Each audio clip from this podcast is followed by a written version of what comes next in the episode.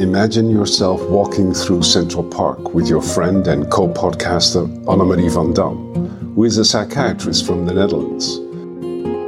We were on our way to record our sixth episode of our podcast, De Psychiater Doorgezaagd, when we walked through Winterdale Arch. And then you hear this music, these distant sounds of a cello. It was just impossible to walk on as if nothing really happened. Her touch and music is hypnotizing, as is her presence. We are talking about Baroque Barbie. We listened for a while, donated some of our dollars, and we got to talk. The rest is magic and a key moment in our presence in this, for that moment, center of our world. I was allowed to interview her later that week, just before we returned to Amsterdam.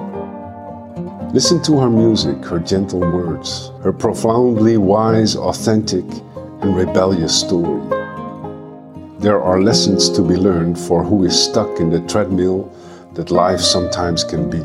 She provides you with what it takes to be a free human being. As a bonus, I recorded one of her performances. Music heals, music connects. Music provokes friendship, love, kindness, and understanding without a lot of words to be said. Thank you for listening to this episode of the Kantelcast.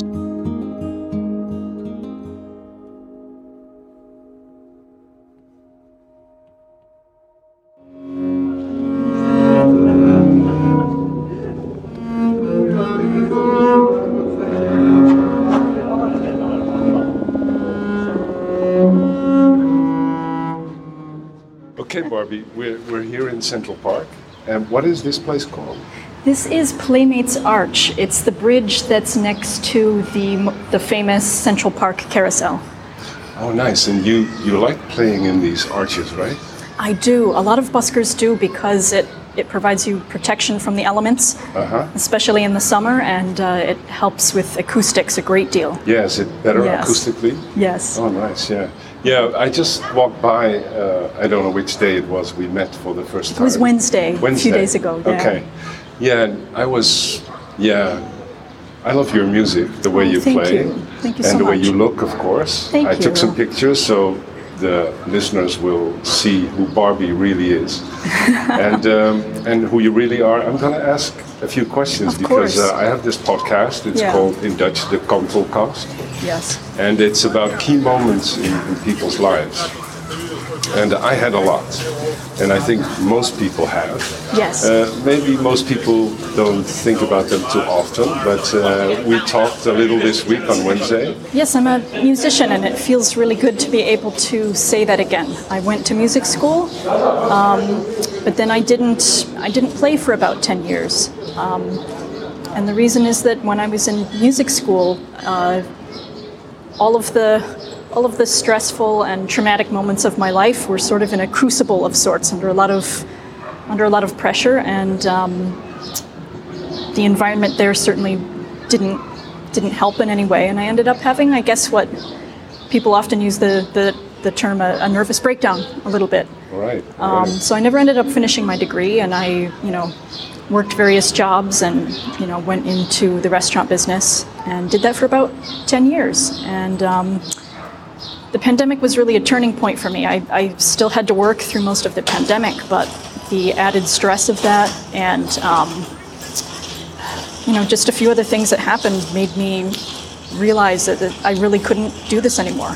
It was um, it was either leave and do something else with my life that I actually enjoyed to really figure that out, or to live under a bridge. The Yeah. irony is that I do spend a lot of my time Yeah. under bridges now, but Yeah. um, in the In a the different best in a different sense. Yes. Yeah. So, so um, you didn't play for 10 years. yeah, here and there, you know, Here I pick up my instrument, but um, you know, when you're working, you know, 12, 14, 16 hour shifts, you know, you don't come home and really have time No, or true, energy to, true. to practice. Yeah, and had it also something to do with the trauma of this education program? Yes, I mean, music school is always extremely intense. Um, you're you're constantly being criticized even by professors that are extremely kind and well-meaning. You learn to really doubt yourself and think that you have nothing to offer musically. Wow. To be honest, um, and it can really mess with your head and your sense of self. Um, but I really don't want to blame, you know, my professors or even music school, really, because it's it's a it's a much bigger problem than that. You know, it's society is at large. We have the system that's based on capitalism. Your worth in how much how much money you can you can make, how much you can produce, um, your productivity. You know, as human beings, we're always talking about productivity. Yeah.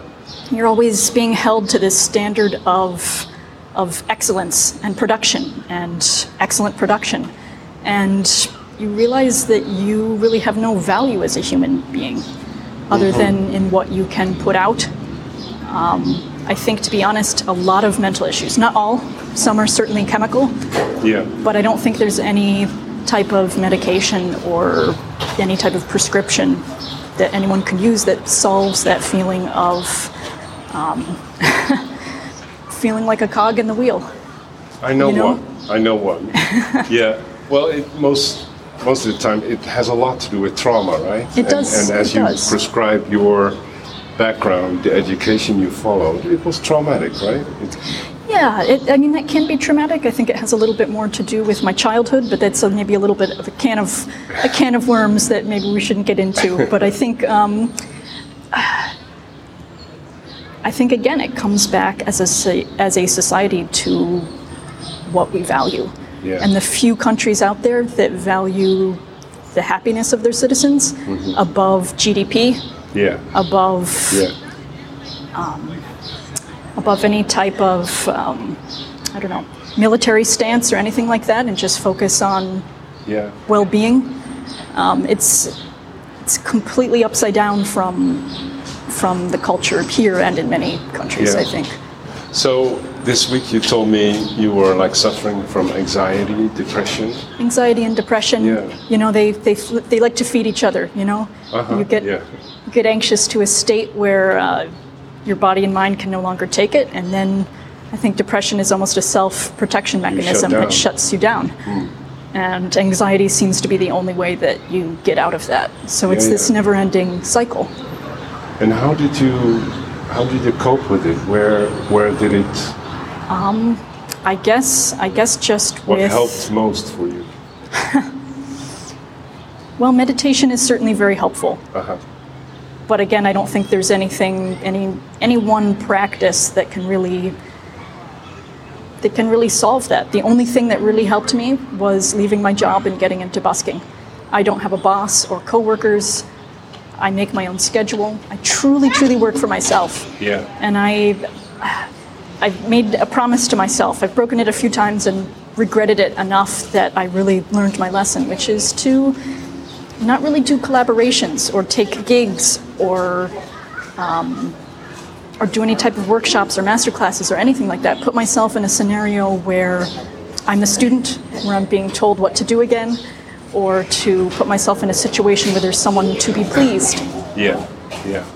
And um, at first, I really struggled with judging myself for that. You know, if I were a real musician, I'd be doing this. If I were a real musician, I'd, you know, take gigs and whatnot. And I've, I've just come to realize that doing what I do really affects my mental health. Those simple choices, what you say yes and what you say no to, You feel better, right? yeah, Yeah. Makes Being a big difference. Learning to say no is very difficult, especially if you're trained from a young age to never say no. You know, so I don't know if that's something your listeners will relate to, but I, I, I Well, think I'm they sure, will. because um, you know I work in the field of mental health, Yeah. and saying no in mental health is very in, in institutes is very difficult, right? Okay. Because there's an easy way in, but to come out, that's like freaking almost impossible.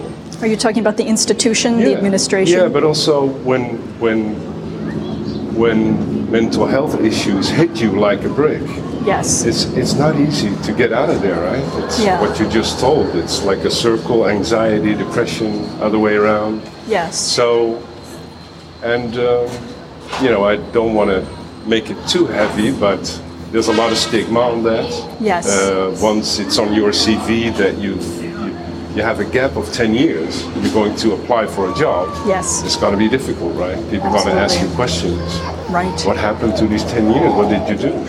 So yeah, it's it's hard, and uh, you know, the more I I respect for what uh, what you've achieved. Let's wait for a moment. Okay. All right. Well, the acoustics in here are very good. It's okay. Sounds of New York. Right? Yes, exactly. We'll mix it in there. So true. So, you know, one of the I have always three questions uh, in this podcast. Uh, talking about key moments. Was there when you were dealing with this anxiety, depression, all the pressure that this society is putting upon you? Was there a moment, a, a moment where you got this epiphany? And, and this key moment that, that you made a decision to do something different? Was it somebody, what somebody said, or a person that you met? Well, being with my husband, he's always been a really well balanced, calm, I would say very mentally healthy individual. He had a very different upbringing than I did. Um, his parents were, you know, very hippie, very Buddhist in a really wonderful way, and he learned to have a lot of balance in his life. Um, and he could see everything I was dealing with, and he said, you know what, what if what if you just quit? What if we move to New York City? What if we become buskers? You'll have absolute freedom to do as you wish. And I said, well, at this point, I'm willing to try anything. Nice. Um, yeah. So it's really because of him. I'm not sure I would have had the the, the bravery to That's take that leap. So this was a key person in your life. It's a Is very key, person. Yeah. Yes. So yes. he, he accepts you unconditionally. Yes. Whatever you say or do, he's yes. okay. That's in That's very nice. unconditional love. Yeah. and um, learning him him giving me the permission to be myself and that it's okay that I was once again quitting a job, once again struggling with my mental health. The fact that he was he was still there, you know, Yeah. he didn't didn't leave, didn't threaten to leave, um, extremely supportive. And sometimes you just need that one person who gives you that permission to realize that you don't need anyone to give you that permission. Nice. That you that that you can just take that. Um, but again, it, it comes back to to how you're raised. If if you're told from a young age that this is how things are, obedience is the ultimate virtue, Yeah. that that can really mess with your entire life. I know where is that place. I, I agree with you. I agree with you. That's um, that's beautiful that you have experienced this meeting this person in your life. So, what is there a profound lesson talking about this key moment? You already told something about it. What what did you learn from it, and what could other people learn from your story? that rebellion is a virtue. Rebellion is a virtue. Rebellion is a virtue. We're, we're taught that it's obedience, and it's actually the opposite. It's, it's mm-hmm. rebellion. And the people that, that teach us that obedience is a virtue, they know how they know how powerful rebellion is. If just one person does what they want, if one person lives outside the norms of society, which which I do. You know, the police like to tell me that, even though what I'm doing is actually protected by the Constitution and perfectly legal. But um, you know, I get called a panhandler a lot. I get called, you know, all kinds of names.